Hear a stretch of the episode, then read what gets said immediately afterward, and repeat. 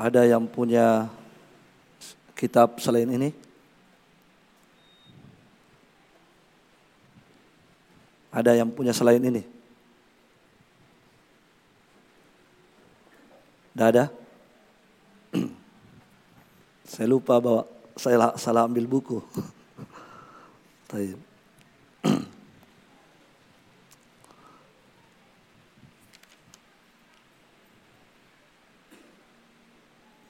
Ada yang punya kitab?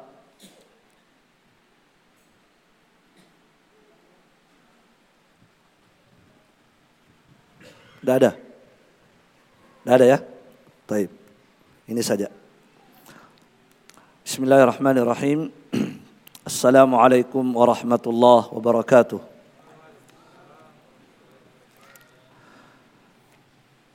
Alhamdulillah حمدا كثيرا طيبا مباركا فيه مباركا عليه كما يحب ربنا ويرضاه. أشهد أن لا إله إلا الله وحده لا شريك له وأشهد أن محمدا عبده ورسوله صلى الله عليه وعلى آله وأصحابه وسلم تسليما كثيرا أما بعد قوم مسلمين والمسلمات rahimani wa rahimakumullahu jami'an alhamdulillah pada malam hari ini kita tidak henti-hentinya memuji Allah Subhanahu wa taala sebagai salah satu tanda kesyukuran kita terhadap nikmat Allah Subhanahu wa taala yang begitu banyak? Apakah nikmat yang terkait dengan dunia ataukah nikmat yang terkait dengan agama?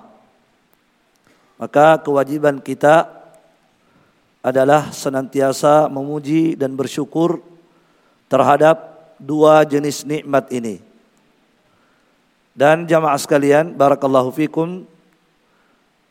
Tentunya kesyukuran kita terhadap nikmat yang terkait dengan agama itu harus lebih besar. Harus lebih serius ter, eh, daripada kesyukuran kita terkait dengan nikmat dunia. Sebab nikmat agama jauh lebih besar daripada nikmat dunia sehingga lebih harus kita syukuri daripada nikmat dunia itu sendiri. Ya, oleh karena itu seorang ulama yaitu Salam Ibnu Sulaim beliau berkata kun li ni'matillahi 'alaika fi dinika ashkara min ni'matillahi alaika fi dunyaka. Kata beliau, jadilah engkau hamba yang lebih bersyukur terhadap nikmat dunia, eh, nikmat agama yang Allah berikan kepadamu, jadilah engkau hamba yang lebih bersyukur terhadapnya daripada nikmat berupa dunia yang Allah berikan kepadamu. Jadi jamaah sekalian, nikmat berupa agama ini lebih berharga dan lebih harus kita syukuri daripada nikmat terkait dengan dunia. Dan tentunya dimaklumi bersama bahwa di antara nikmat agama itu adalah ilmu. Ini Di antara nikmat agama itu adalah ilmu. Ya, maka nikmat ini harus kita syukuri dengan baik. Dan tentunya syukurnya kita terhadap ilmu itu di antaranya adalah bersemangat mempelajarinya. Itu tanda syukur kita terhadap ilmu, bersemangat mempelajari ilmu itu.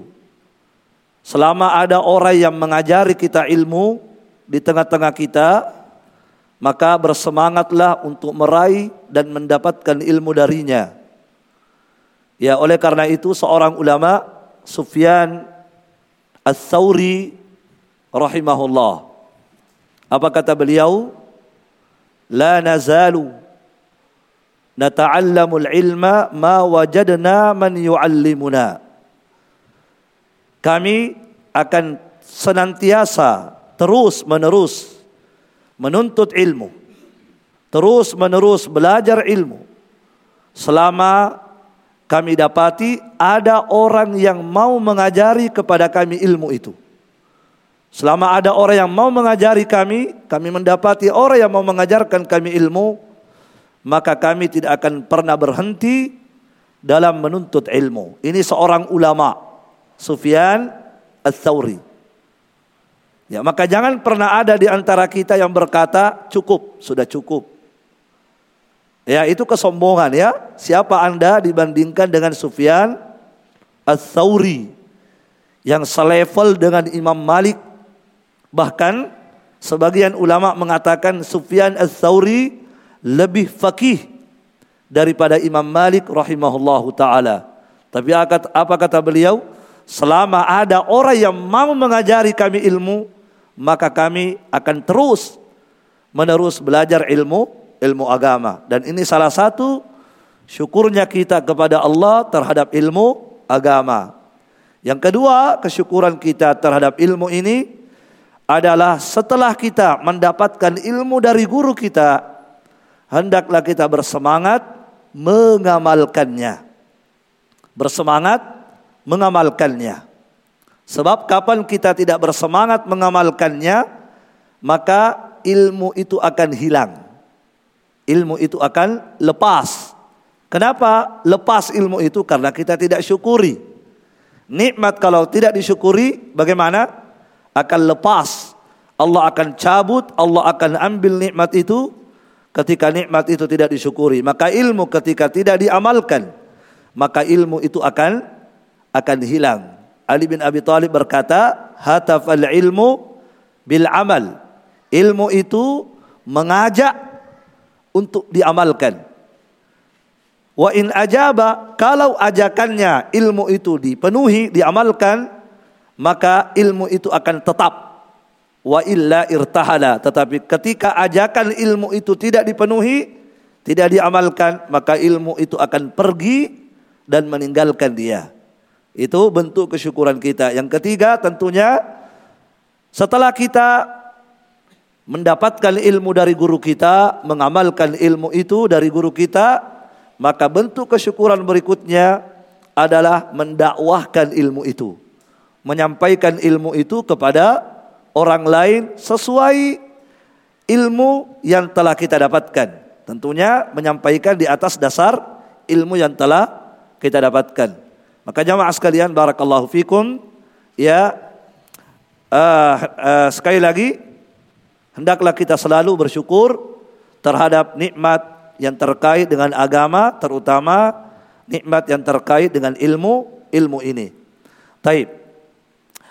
Dan tentunya di antara tanda kesyukuran kita terhadap nikmat Allah apakah nikmat terkait dengan dunia maupun nikmat terkait dengan agama adalah kehadiran kita di majelis ilmu ini. Salah satu tanda bukti kesyukuran kita kepada Allah akan nikmat yang banyak yang Allah berikan, terutama kesehatan, kesempatan yang Allah berikan, kita gunakan itu untuk hadir di majelis ilmu, mempelajari kitabullah dan sunnah Nabi sallallahu alaihi wasallam.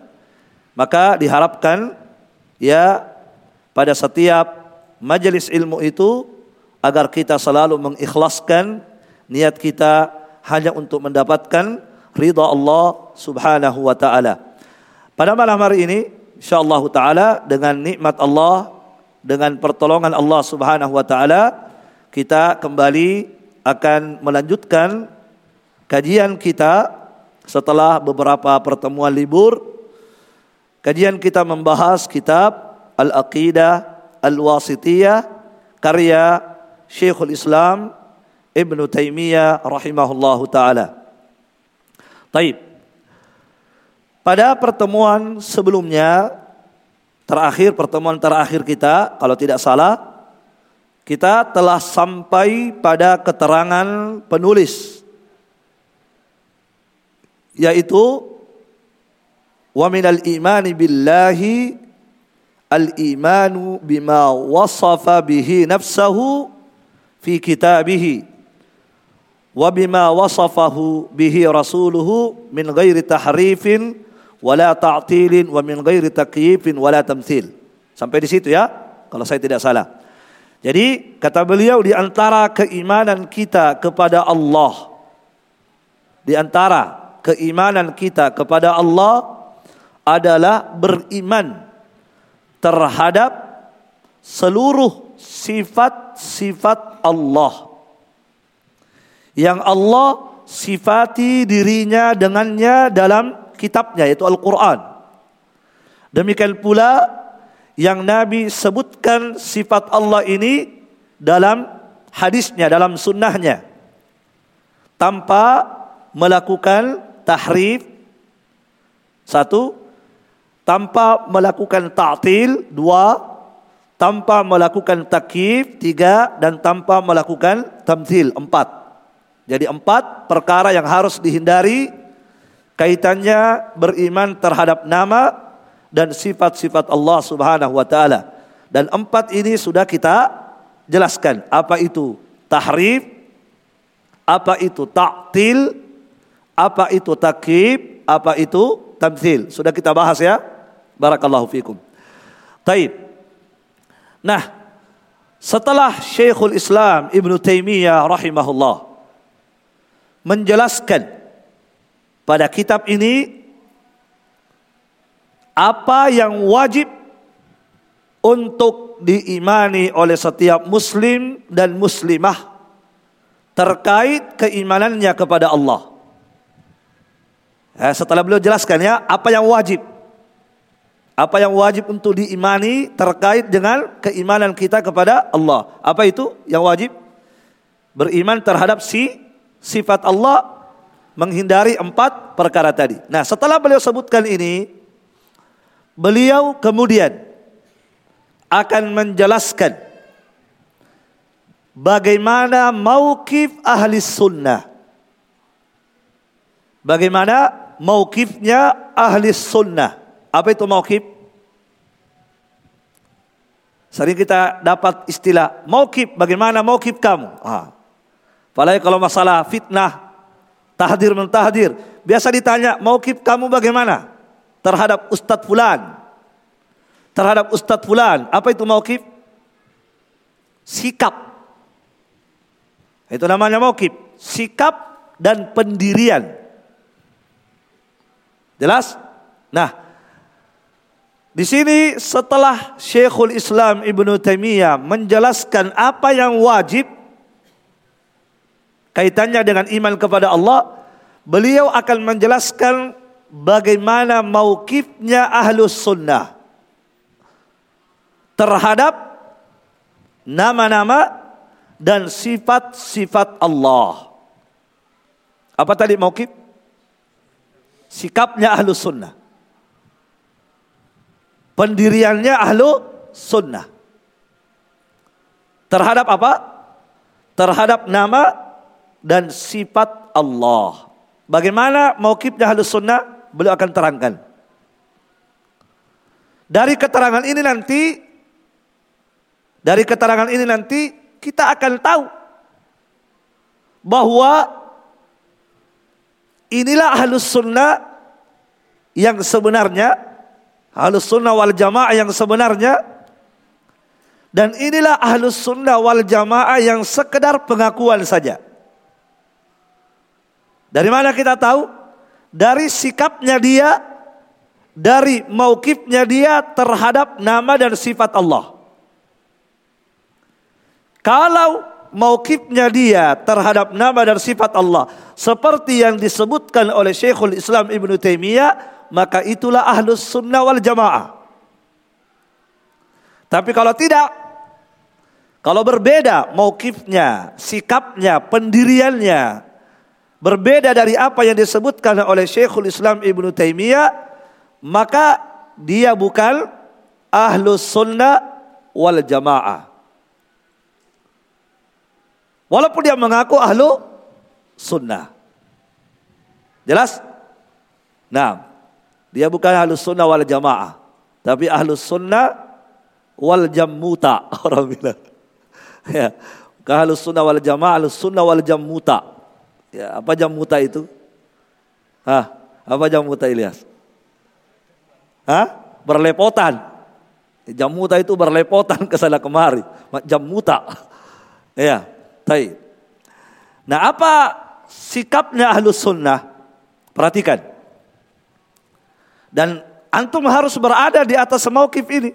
Kalau tidak, antum terpental dari ahlus sunnah. Antum ditendang dari ahlus sunnah. Walaupun antum mengaku saya salafi. Maka anda bukan salafi. Faham? Taib. Apa itu? Kata beliau, bal yu'minuna bi anna Allah subhanahu laisa kamithlihi syai'un wa huwas samiul basir. Kata beliau, mereka ahlus sunnah wal jamaah beriman. Beri, beriman. Iman artinya apa? Membenarkan dan meyakini bahwasanya Allah Subhanahu wa taala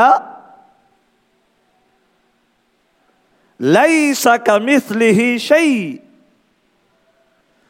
tidak serupa Allah tidak serupa dengan siapa pun Allah tidak serupa dengan siapa pun Allah tidak serupa dengan apa pun di dunia ini. Allah tidak serupa. Tidak ada sesuatu pun di dunia ini yang menyerupai Allah Subhanahu wa taala. Itu keyakinan ahlu sunnah. Wa huwa samiul basir. Dan Allah Subhanahu wa taala Maha men Allah Subhanahu wa taala As-Sami' Allah punya nama As-Sami' dan Allah punya nama Al-Basir. Dan dari dua nama ini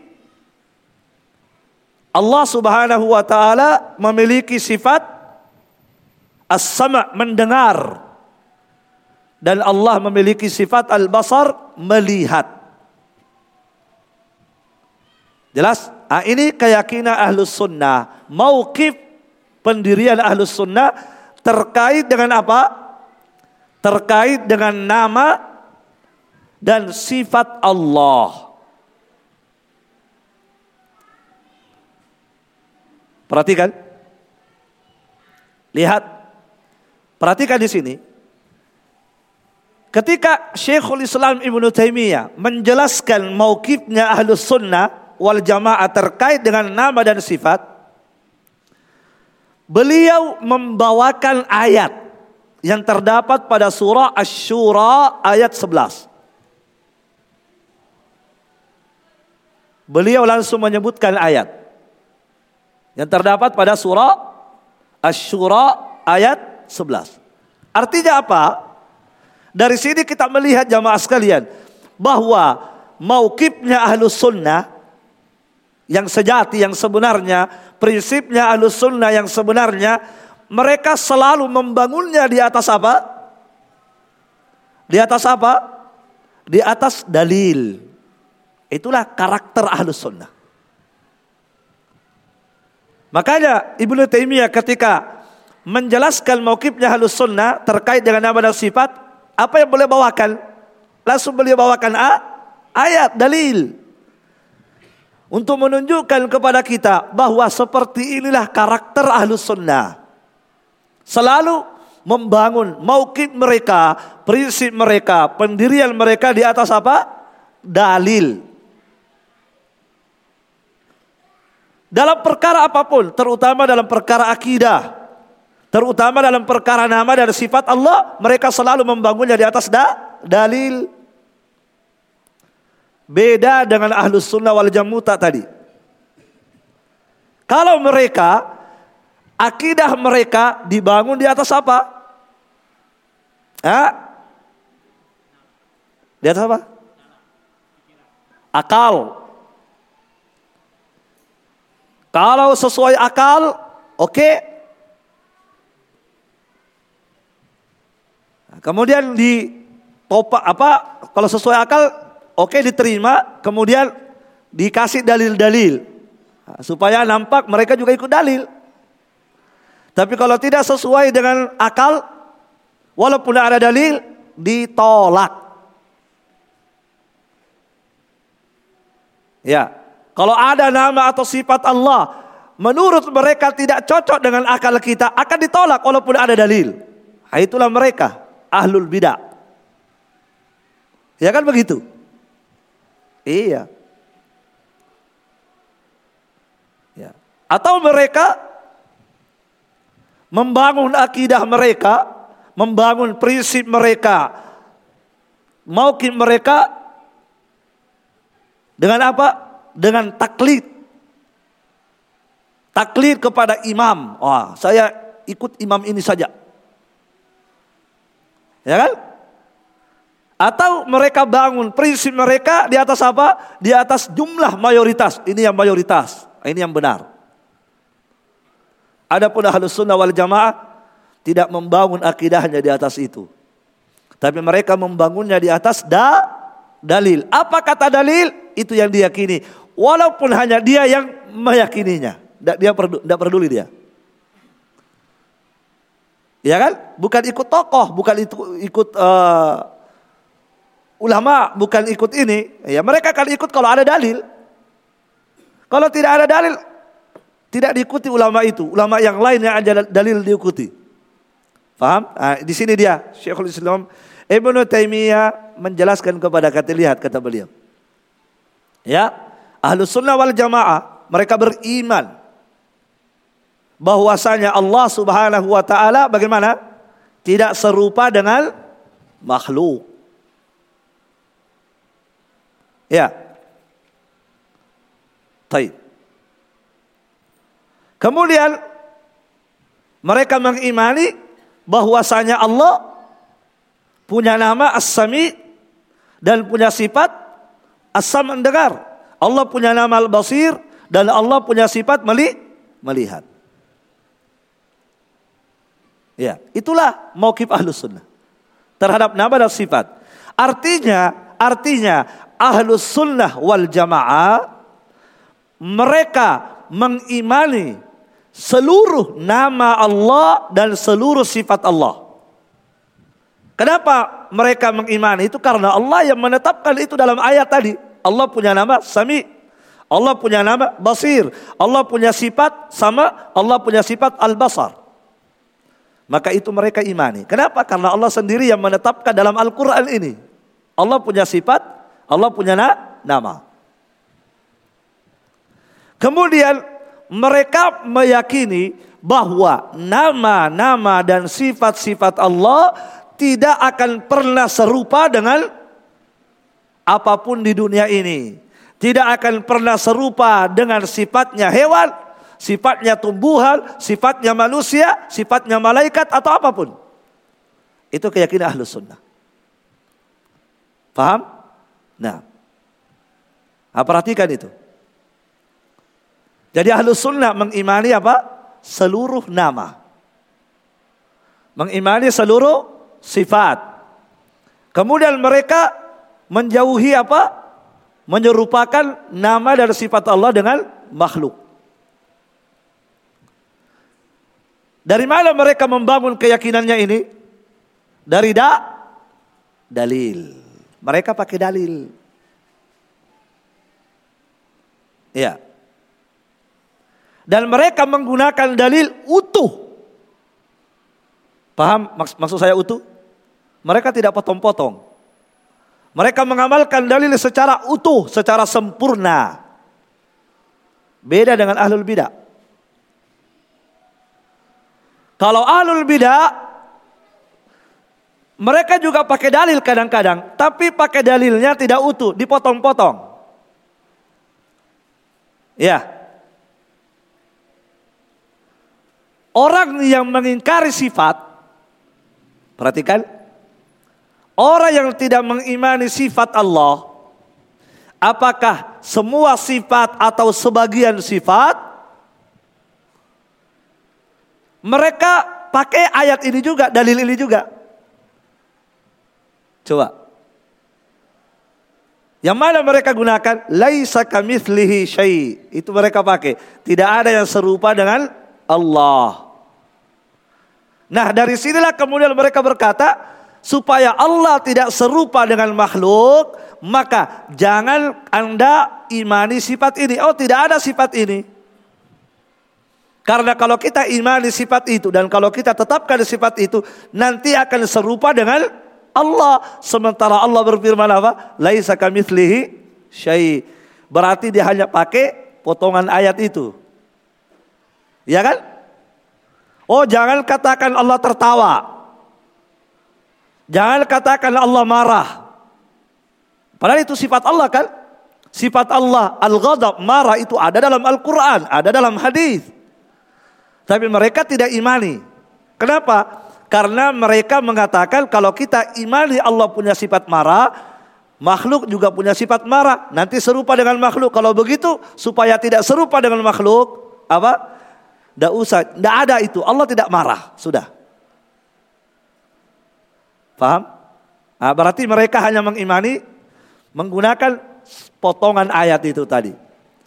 Padahal kalau mereka mau lanjutkan setelahnya, ya kan apa lanjutannya? Tidak ada yang serupa dengan Allah dengan sedikit pun. Dan Allah punya nama As-Sami dan Al-Basir. Allah punya sifat mendengar dan melihat. Ya kan? Harusnya yang benar apa?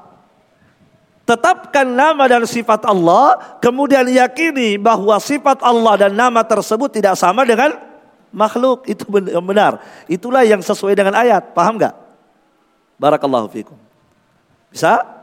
Nah.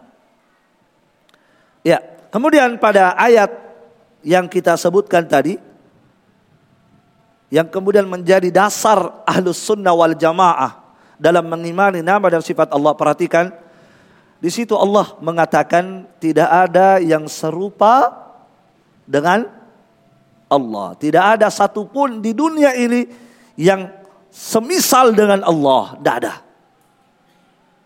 Tidak ada. Nah. Ya. Itu keyakinan kita. Dalam hal apa pun dalam nama, dalam sifat, dalam perbuatan tidak ada yang sama dengan Allah Subhanahu wa taala.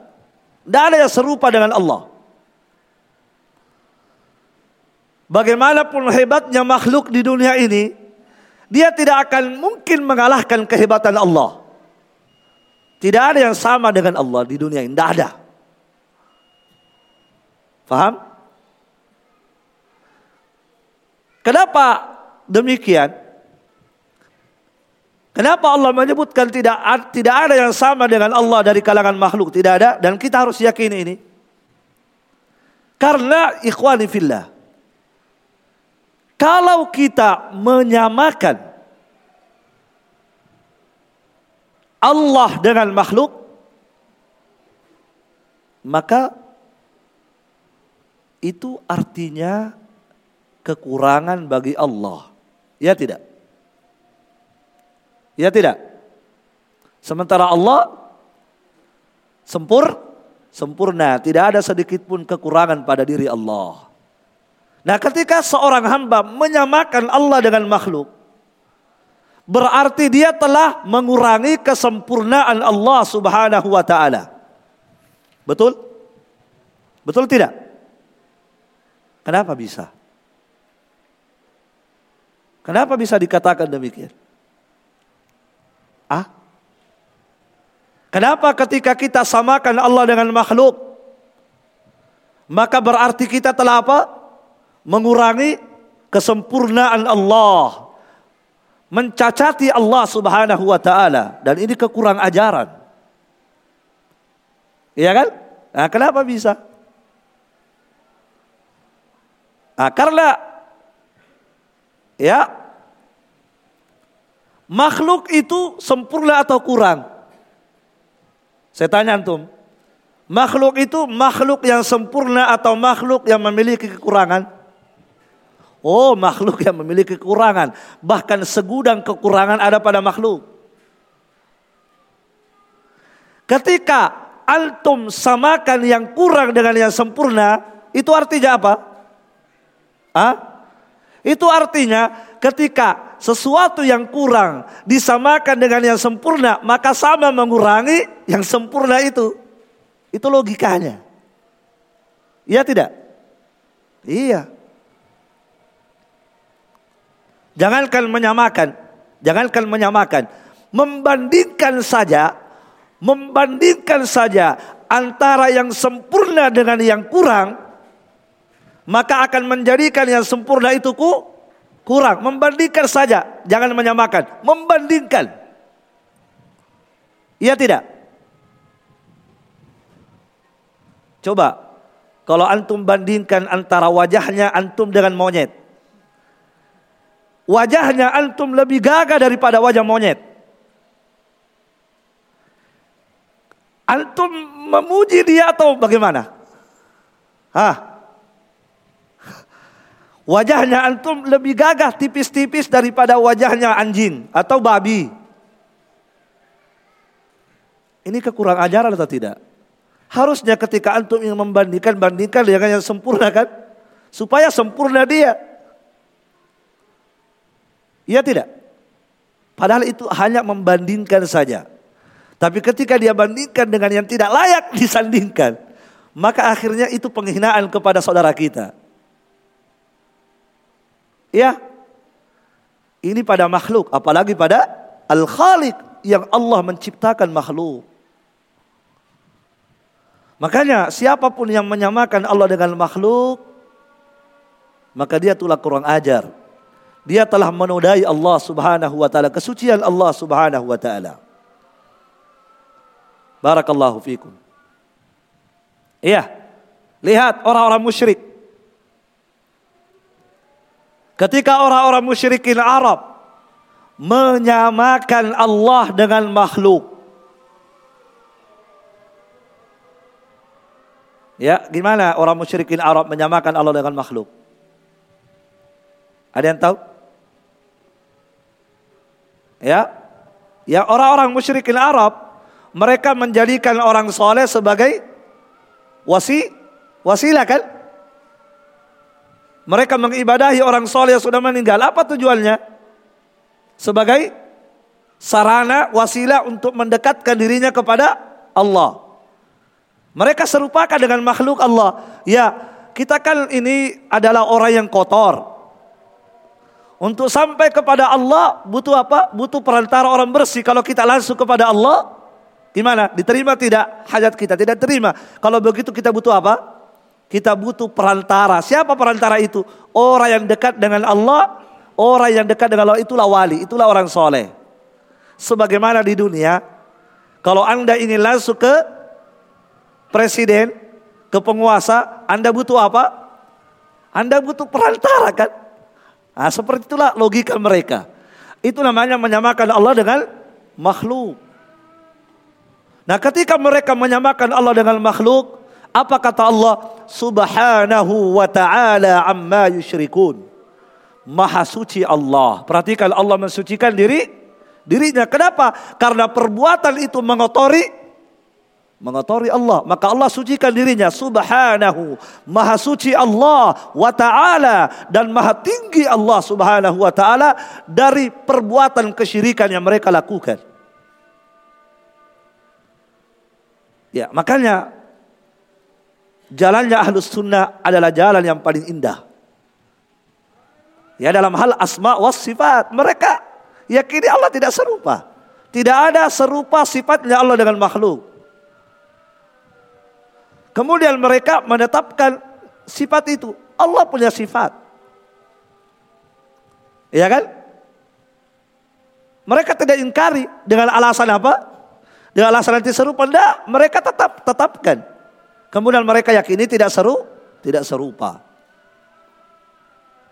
Kemudian jamaah sekalian, barakallahu fikum. Juga terkait dengan ayat ini, perhatikan setelah itu Allah mengatakan wahwas samiul basir. Allah Maha mendengar lagi Maha melihat. Allah sebutkan pada ayat itu dua nama. Yang pertama apa? As-Sami. Yang kedua Al-Basir. Kenapa dua nama ini yang Allah sebut? Apakah maknanya hanya ini yang kita imani dua ini? Tidak, semua nama. Tapi Allah sebutkan ini karena ada hikmah. Kenapa Allah sebutkan ini yang dua? Kenapa bukan nama Al-Ghafur? Kenapa bukan nama Ar-Rahim? Kenapa bukan nama Al-Qadir? Kenapa bukan nama yang lain? Tapi kenapa Allah memilih dua nama ini? Coba. Kenapa? Kenapa As-Sami? Kenapa Al-Basir? Ada yang tahu? Ada yang punya jawaban? Ah? Ada? Baik.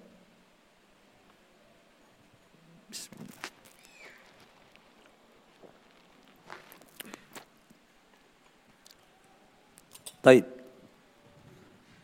Perhatikan.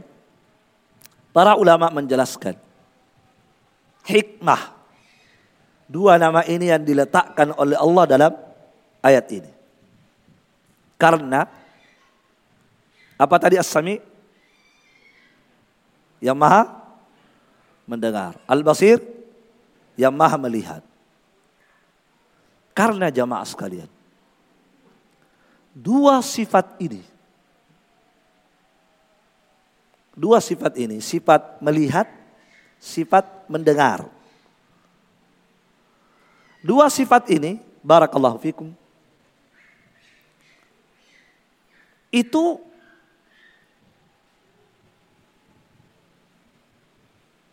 ada pada kebanyakan makhluk.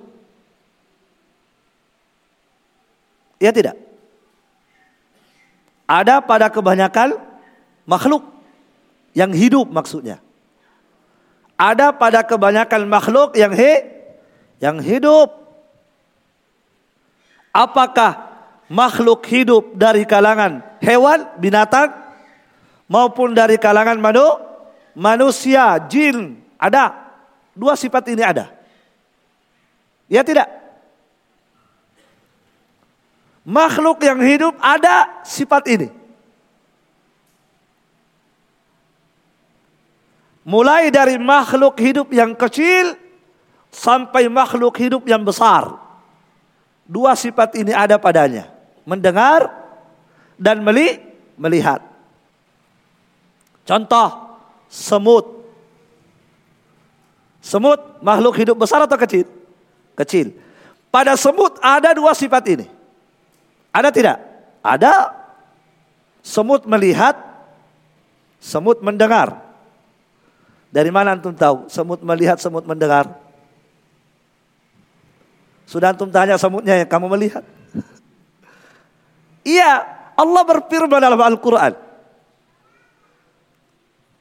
Apa kata Allah dalam Al-Quran? Allah menceritakan tentang kumpulan semut.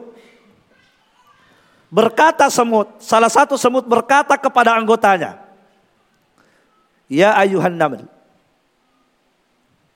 udkhulu masakinakum la yahtimannakum Sulaiman wa junuduhu. Apa kata apa kata semut kepada teman-temannya? Satu semut berkata kepada temannya, "Hei kalian teman-teman semut, segeralah kalian masuk ke dalam sarang-sarang kalian supaya kalian tidak diinjak oleh Sulaiman dan bala tentaranya." Siapa yang bilang begitu? Semut kepada teman-temannya yang lain. Saat itu Sulaiman mendengarkan ucapan semut, tersenyumlah Sulaiman. Karena Sulaiman bisa paham bahasa semut. Sulaiman tersenyum.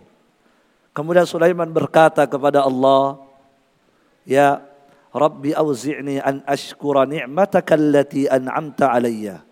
Ya Allah, berikanlah karunia kepadaku untuk untuk bisa bersyukur terhadap nikmat yang telah Engkau berikan kepadaku. Nikmat apa? Aku bisa paham bahasanya semut. Itu nikmat besar. Berikanlah karunia kepadaku untuk bersyukur. Ah, di sini jamaah sekalian. Ketika eh, semut tadi berkata kepada temannya, masuk kalian ke sarang kalian. Menunjukkan mereka men mendengar. Sebab kalau mereka tidak mendengar untuk apa disuruh? Eh masuk kalian. Mereka mendengar, mendengar. Kemudian dari situ juga dipahami mereka meli, melihat karena kalau mereka masuk ke dalam apa?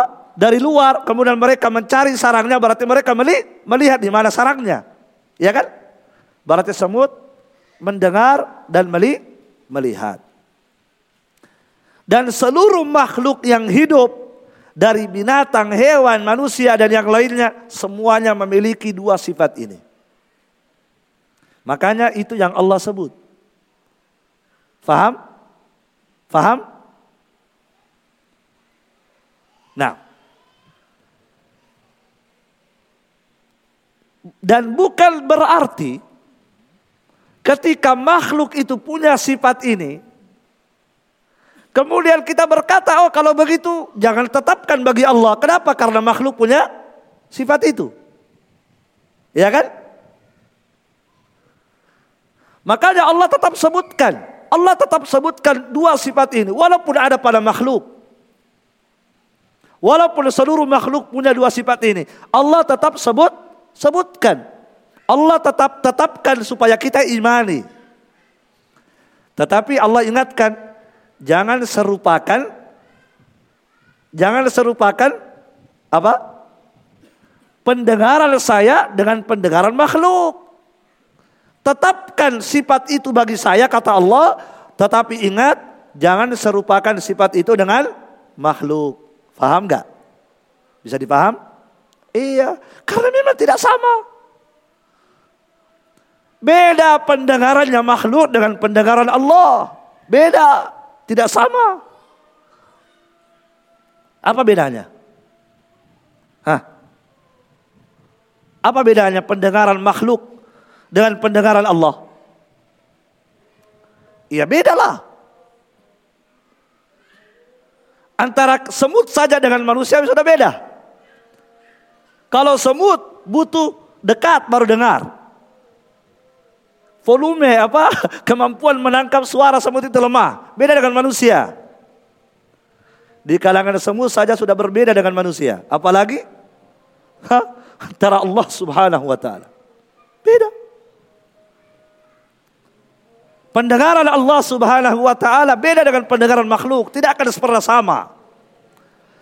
Kalau makhluk terbatas pendengarannya, dibatasi oleh volume dan jarak. Iya tidak? Kalau jaraknya sudah jauh, kita sudah tidak dengar. Walaupun dia berteriak. Iya tidak? Dibatasi oleh volume suara. Kalau volumenya rendah kita tidak akan dengar. Nanti kita dengar kalau volumenya keras. Kalau saya lepas ini mic, akhwat dengar tidak? Dia tidak dengar, tapi Allah biar saya tidak pakai mic. Biar saya berbisik, saya bisiki diriku, Allah dengar. Itulah sifatnya Allah subhanahu wa ta'ala. Tidak sama. Ya tidak? Makanya Allah sebutkan dalam Al-Quran. Ya'lamu sirrahun apa ayah sabuna anna apa apakah mereka mengira menyangka Allah Subhanahu wa taala tidak mendengar sirrahum wa najwahum itu kata Allah Apakah mereka mengira, apakah mereka menyangka bahwasanya Allah Subhanahu wa taala tidak mendengar sirrahum wa najwahum? Apa sirrahum? A? Ucapan bisik-bisik, bukan bisik-bisik, ucapan rahasia. Nah, ya kan kalau orang ada rahasia kan berdua. Bicara-bicara kan, kecil suaranya kan? Namanya rahasia. Ketika dua orang berbicara rahasia, apa kata Allah? Apakah mereka mengira Allah tidak mendengar apa yang mereka bicarakan itu? Allah dengar. Tapi kalau ada saudara antum bisik-bisik di luar dua orang rahasia, antum dengar dari sini? Enggak. Allah maha mendengar. Apa yang kalian rahasiakan itu. Wa najwahum. Apa najwa? Najwa itu ya itu tadi bisik apa? Uh, uh, ya najwa itu bisik-bisik.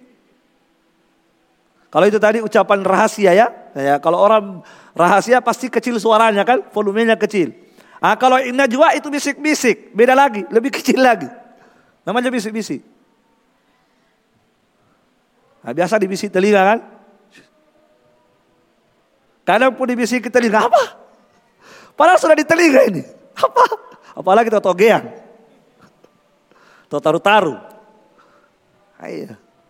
Tapi Allah subhanahu wa ta'ala. Subhanallah. Allah maha mendengar. Allah maha mendengar. Beda. Subhanallah ya. Jamaah sekalian. Allah mendengarkan itu. Ya bahkan disebutkan dalam Al-Quran itu. Ya. Para ulama menjelaskan makna bahwa uh, sawa'un man as sawa'un minkum man asarra al-qawla wa man jahara bih. Sama saja bagi Allah, sama saja. Bagi Allah sama, tidak ada bedanya. Man asarra al-qawla wa man jahara bih. Sama saja bagi Allah orang yang asarral qawla. Asarral qawla ditafsirkan oleh Al-Imamul Qurtubi adalah hadisun nafs. Yaitu orang yang berbisik-bisik pada dirinya sendiri. Allah dengar itu. Antum bisik-bisik pada diri itu sendiri. Ya kan? Antum misalnya sholat. Antum, kan hanya kita yang dengar ya. Allah Allah dengar itu. Waman jaharabi dan sama saja bagi Allah man jaharabi orang yang apa jaharabi kata para ulama tafsir adalah ya orang yang berbicara di depan banyak manusia semua Allah dengar kamu bicara dengan dirimu sendiri kamu bicara dengan orang lain sama saja bagi Allah semua Allah dengar tapi kalau pendengaran makhluk terbatas. Begitu pula al-basir, al-basar. Penglihatan Allah tidak akan pernah sama dengan penglihatan makhluk. Semut melihat, manusia melihat, tapi samakah penglihatan Allah dengan makhluk? Tidak akan pernah sama. Penglihatan kita terbatas. Kita hanya mampu melihat apa yang ada di depan kita. Sejauh mata memandang. Iya. Antum bisa nggak melihat seekor semut hitam merayap di atas batu hitam di tengah malam yang gelap? Bisa tidak antum lihat? Ah, semut hitam kecil merayap di mana? Merayap di atas batu warna hitam. Kemudian merayapnya batu itu di tengah malam yang gelap. Ditambah lagi di mana? Ditambah lagi di bawah dasar laut itu batu hitam. Kalau ada, bisa antum lihat? Hah? Tidak usah batu hitam, batu batu putih saja merayap semut di tengah malam. Antum tidak bisa lihat semut itu. Nanti antum merasakan kalau sudah digigit, eh ada pada semut. Nanti sudah digigit baru tahu. Iya tidak? antum tidak bisa lihat. Kenapa? Kemampuan pandangan antum terbatas, tidak sempurna. Tapi Allah Maha sempurna penglihatannya. Allah bisa melihat itu semua.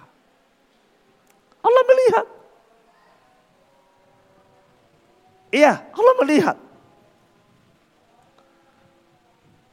Allah Subhanahu wa taala berfirman dalam Al-Qur'an. Ya, Apa itu ayatnya?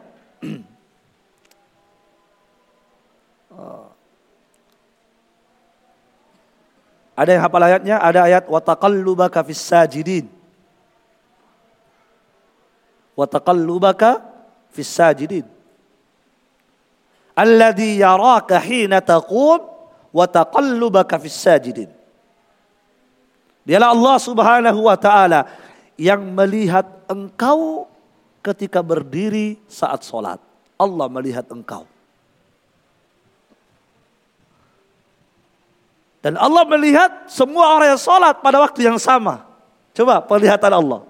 Allah mampu melihat semua manusia yang sholat pada waktu yang sama. Kalau antum, hanya yang ada di tempat yang antum lihat. Apa kata Allah? Alladhi yaraka hina taqum. Dialah Allah subhanahu wa ta'ala yang melihat anda ketika anda berdiri dalam sholat. Allah melihat antum. Makanya kalau berdiri jangan goyang-goyang. Jangan angkat kaki kanan, angkat kaki kiri. Iya kan? Allah melihat bagaimana berdiri dalam sholat. Kemudian wataqallubaka fis sajidin. Dan Allah melihat taqallub. Apa taqallub? Gerakanmu. Semua gerakanmu Allah lihat Ketika engkau sholat di tengah orang-orang sholat. Banyak orang, ribuan manusia orang sholat, antum ada di tengah-tengah mereka. Apa kata Allah? Allah melihat gerakan-gerakanmu ketika sholat di tengah banyaknya orang sholat. Allah lihat. Kalau kita bisa melihat. Dan sebagian ulama mengatakan makna ayat itu Allah melihat gerakanmu. Seperti Mujahid berkata, yaitu Allah melihat gerakan-gerakan matamu ketika sholat. Kan ada orang sholat matanya goyang-goyang. Allah tahu. Allah lihat matamu goyang ke kanan, matamu goyang ke kiri ketika sholat, matamu melihat ke atas, matamu melihat ke bawah. Makanya ketika sholat jangan pernah mata melihat ke atas, dilarang. Karena kapan matamu melihat ke atas, maka bisa jadi Allah Subhanahu wa taala akan tidak mengembalikan penglihatanmu. Melihat terus ke atas. Itu ada hadis yang mengancam. Allah melihat gerakan matamu di tengah banyaknya orang sholat. Subhanallah. Luar biasa. Maka inilah perbedaan yang sangat jauh antara sifat Allah dengan sifat makhluk. Laisa kamislihi syai wa huwa as-sami' al-basir. Kenapa Allah tetapkan dua nama itu tadi? Karena dua sifat itu banyak pada makhluk yang hidup, bahkan semua makhluk hidup ada. Dan Allah sengaja. Supaya apa? Supaya tidak ada lagi anggapan, ya makhluk punya sifat itu berarti jangan kita tetapkan karena nanti serupa. Maka apa kata Allah? Tetapkan itu dan yakini laisa kamitslihi syai sederhana selesai jelas Taib barakallahu fikum. Azan dulu. Taib. Kita lanjutkan sedikit. Kemudian kata Syekhul Islam Ibnu Taimiyah fala funa anhu ma wasafa bihi nafsahu. Maka mereka ahlus sunnah ta'ifah al-mansura al-firqa najiyah mereka tidak menafikan dari Allah sifat yang Allah sifati dirinya dengannya. Ya.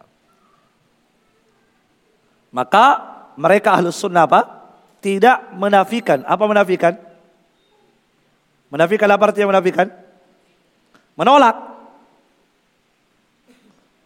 Mengingkari. Ya. Mereka tidak menafikan, menolak, mengingkari. Sifat sifat Allah Subhanahu wa taala. Yang Allah sebutkan sifat itu pada Al-Quran. Mereka tidak ingkar itu. Itu ahlus sunnah. Tidak ada satupun sifat dan nama yang Allah mereka ingkar. Tidak ada. Ya. Jadi itu jalannya ahlu sunnah. Tidak ada sifat dan nama Allah yang mereka nafikan. Tidak ada. Kenapa? Karena mereka ahlu sunnah, mereka ikut dalil. Ya kan begitu. Mereka menetapkan itu dengan dalil, dengan nas. Kenapa mereka tidak mereka kenapa mereka tidak nafikan? Karena Allah tetapkan nama itu dari sifat itu, makanya mereka tidak tolak. Beda dengan mereka ahlul bidah yang menafikan sifat Allah ya kan?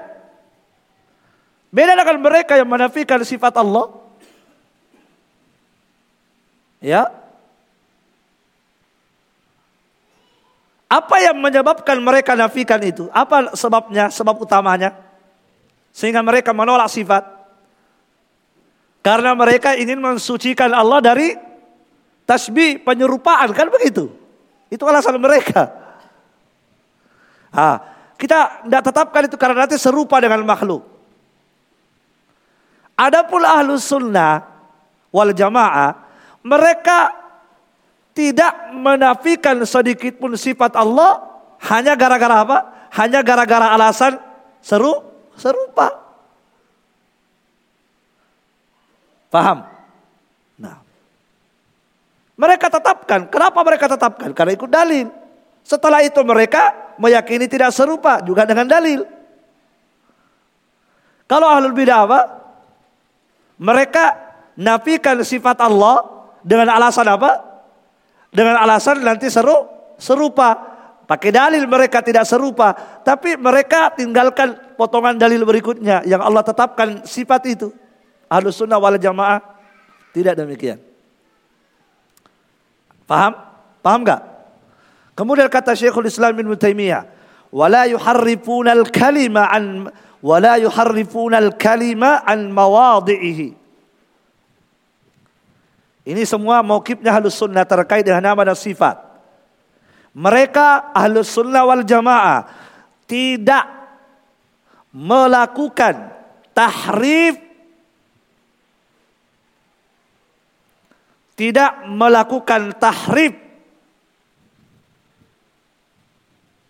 terhadap al-kalim terhadap apa? Terhadap al-kalim. Maksudnya al-kalim di sini adalah kalam Allah dan kalam Rasul. Mereka halus sunnah tidak melakukan apa? Tahrif. Pada apa? Pada kalamnya Allah dalam Al-Quran dan kalamnya Rasul pada hadis. Mereka tidak melakukan tahrif an mawadhihi. Mereka tidak melakukan apa tahrif? Penyelewengan. penyelewengan makna an mawadhihi dari yang semestinya. Faham? Ahlus sunnah wal jamaah tidak melakukan apa? Tidak melakukan tahrif penyelewengan makna atau penyelewengan lafaz pada ayat-ayat Allah dan pada hadis-hadis Nabi dari yang semesti semestinya. Itulah ahlus sunnah.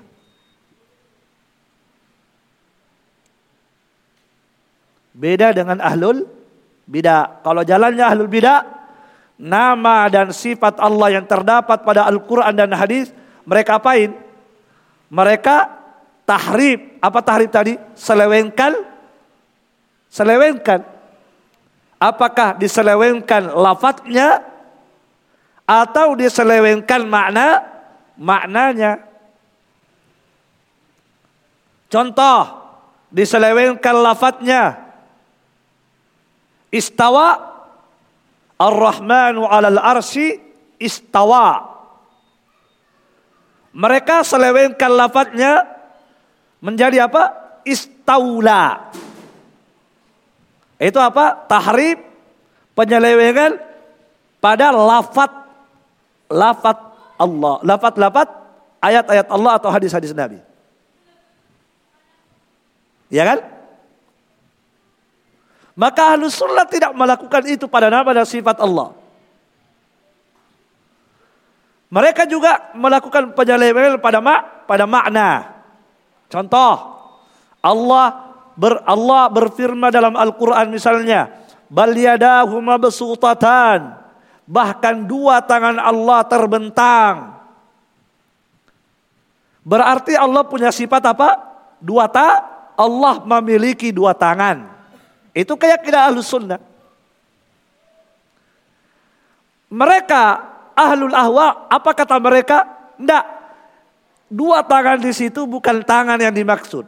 Tetapi yang dimaksud di situ adalah nikmat. Nah itu kan penyelewengan makna. Tangan diartikan apa? Nikmat. Dua nikmat. Berarti maknanya ayat dua nikmat Allah terbentang. Dua nikmat Allah. Coba, rusakkan maknanya.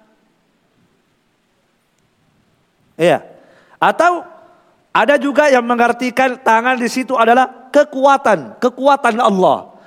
Dua kekuatan Allah terbentang. Oh, berarti dua aja kekuatan Allah. Dua aja nikmat Allah. Seperti itulah. Kapan seseorang menyimpang dari dalil, maka pasti akan terperosok pada lubang berikutnya yang berbahaya. Ya kan? Itu pasti. Nah.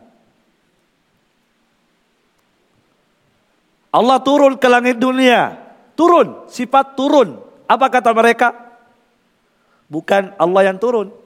Tapi rahmatnya Allah yang turun ke langit dunia. Berarti rahmat Allah hanya turun pada sepertiga malam. Ya kan? Coba. Ini tahrif. Maka ahlus sunnah wal jamaah maukifnya, pendiriannya terhadap nama dan sifat, mereka tidak melakukan apa?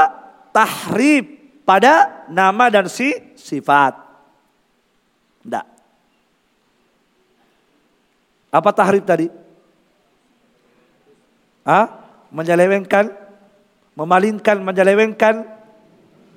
Apakah lafadznya diselewengkan atau maknanya diselewengkan. Diselewengkan dari makna yang sebenarnya. Ya, tangan dibilang apa? Nikmat, kekuatan. Marah, nah, ketika disebutkan sifat marah, apa kata mereka? Tidak, Allah tidak punya sifat marah. Terus apa ayat itu? Alaihi. Allah murka kepada mereka yang membunuh. Terus apa itu? Oh maksudnya itu di situ adalah Allah ingin memberikan balasan. Ah coba.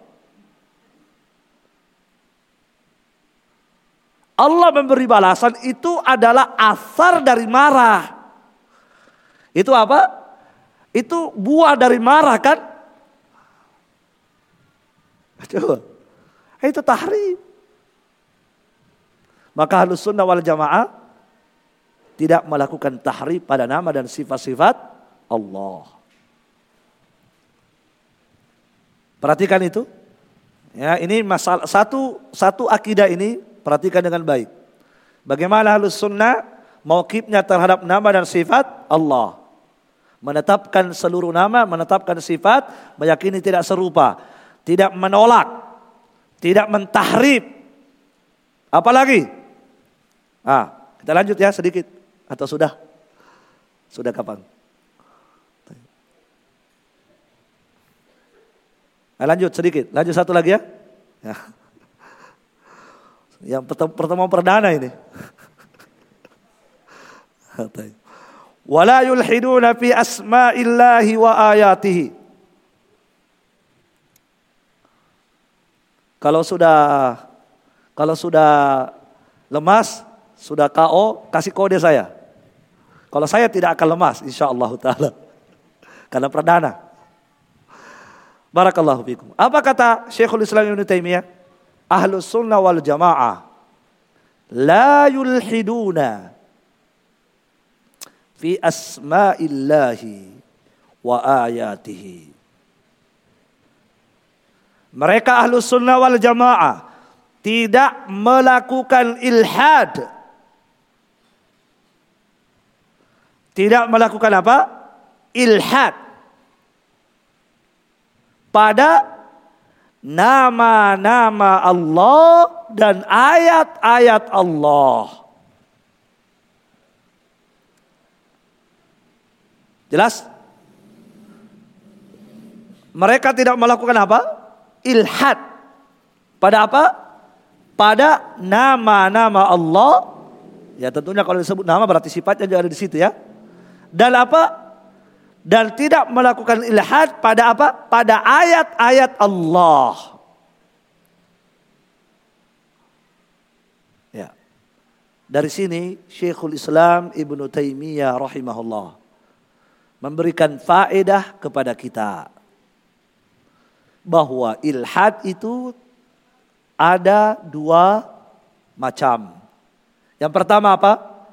Ilhad pada nama dan sifat Allah. Yang kedua, ilhad pada ayat-ayat Allah.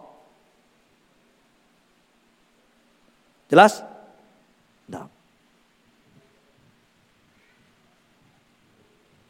Dua ya, ilhad itu. Ilhad pada nama, ilhad pada ayat-ayat Allah dalam Al-Quran. Yang mana yang boleh, yang mana yang tidak boleh? Ah, yang mana yang boleh, yang mana yang tidak boleh? Semuanya tidak boleh. Makanya Syekhul Islam Ibnu Taimiyah berkata, tidak boleh melakukan ilhad pada apa? Pada nama dan dan ayat-ayat Allah. Dari mana Syekhul Islam Ibnu Taimiyah mengambil faedah ini? Dari dalil. Sebab dalam Al-Quran disebutkan ada dua ilhad. Allah berfirman dalam Al-Quran, "Walillahil asmaul husna fad'uuhu biha wadarul ladina yulhiduna fi asma'ihi." Apa kata Allah? Hanyalah milik Allah nama-nama yang indah maka apa kata Allah? Tinggalkan mereka. Biarkan mereka, tinggalkan mereka yang melakukan ilhad pada nama-nama Allah. Berarti ada ilhad pada nama berdasarkan ayat itu. Kemudian ada ilhad pada ayat-ayat Allah, lebih umum lagi. Dari mana dalilnya? Allah berfirman, Innal ladina yulhiduna fi ayatihi. Sesungguhnya orang-orang yang melakukan ilhad pada ayat-ayatnya Allah. Jelas? Dua-duanya haram.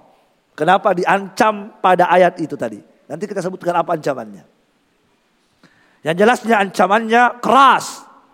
Orang-orang yang melakukan ilhad pada nama-nama Allah dan pada ayat-ayat Allah ancamannya menakutkan. Maka ahlus sunnah wal jamaah At-Taif al-Mansurah Salafiyun mereka tidak melakukan ilhad pada dua ini. Pada nama dan pada ayat. Taib. Apa itu ilhad? Apa itu ilhad? Bersambung ini? Bersambung saja. Cukup dulu ya. Cukup. InsyaAllah ta'ala. Karena sudah jam 8 lewat. Cukup sampai di sini. InsyaAllah ta'ala. Nanti kita jelaskan apa itu ilhad. Dan seperti apa contoh ilhad pada nama Allah. Contohnya seperti apa? Supaya jelas. Supaya dihindari. Dan seperti